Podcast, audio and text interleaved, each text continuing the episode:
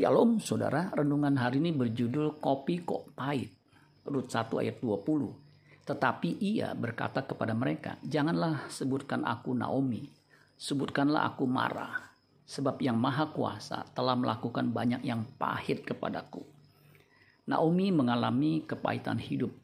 Suami dan kedua anak-anak kedua anak laki-lakinya mati di Moab, negeri asing tempat mereka mengungsi ia hidup sebagai seorang janda tanpa harapan. Ia mengungkapkan kepahitan hidupnya kepada kedua menantunya agar mereka meninggalkan dirinya. Urut 1 ayat 13, masakan kamu menanti sampai mereka dewasa. Masakan aku, masakan karena itu kamu harus menahan diri dan tidak bersuami. Janganlah kiranya demikian anak-anakku. Bukankah jauh lebih pahit yang aku alami daripada kamu?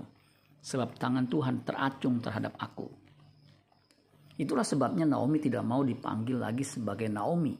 Naomi artinya manis atau kesukaan, menyenangkan atau kesenangan. Ia lebih suka dipanggil Mara, artinya pahit, bitterness, susah, sedih hati. Karena apa yang dialaminya benar-benar pahit. Mara ternyata juga berarti menyelenggarakan.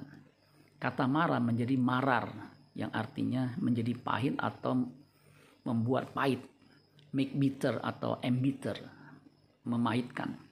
Ternyata kata marah juga punya makna ganda. Selain bermakna negatif, marah juga punya makna positif, yaitu to be strong, menjadi kuat, strengthen, menguatkan.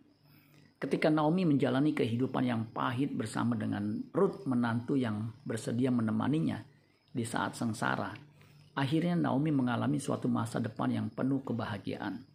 Bahkan orang-orang menyebutnya berbahagia. Melalui kehidupannya yang pahit, Naomi mendapatkan keturunan seorang raja besar di Israel, yaitu Raja Daud. Bahkan melahirkan keturunan ilahi yang menjadi penyelamat, penyelamat dunia. Saya dulu bukan peminum kopi. Suatu hari seorang sahabat memberi saya nasihat bahwa kopi itu sangat baik bagi manusia. Banyak manfaat kopi bagi kesehatan tubuh saya mencobanya dan pahit sekali. Saat itu saya tidak bisa meminumnya, apalagi menikmatinya. Sahabat itu berkata memang begitu di awal pertama minum kopi. Pahit, tidak enak. Tetapi cobalah beberapa kali. Dan nikmati saja. Betul saja, kata teman itu. Sudah beberapa tahun ini setiap pagi saya ditemani oleh secangkir kopi. Tanpa kopi hari terasa kurang lengkap.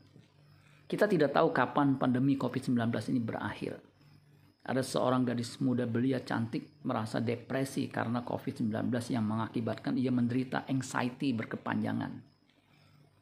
Akhirnya ia meninggal terkena serangan jantung. Janganlah pandemi ini memahitkan hidup kita, apalagi membunuh kita. Nikmati saja seperti kita menikmati kopi pahit, sehingga itu menjadi berkat abadi. Amin buat firman Tuhan. Tuhan Yesus memberkati. Sola Gracia.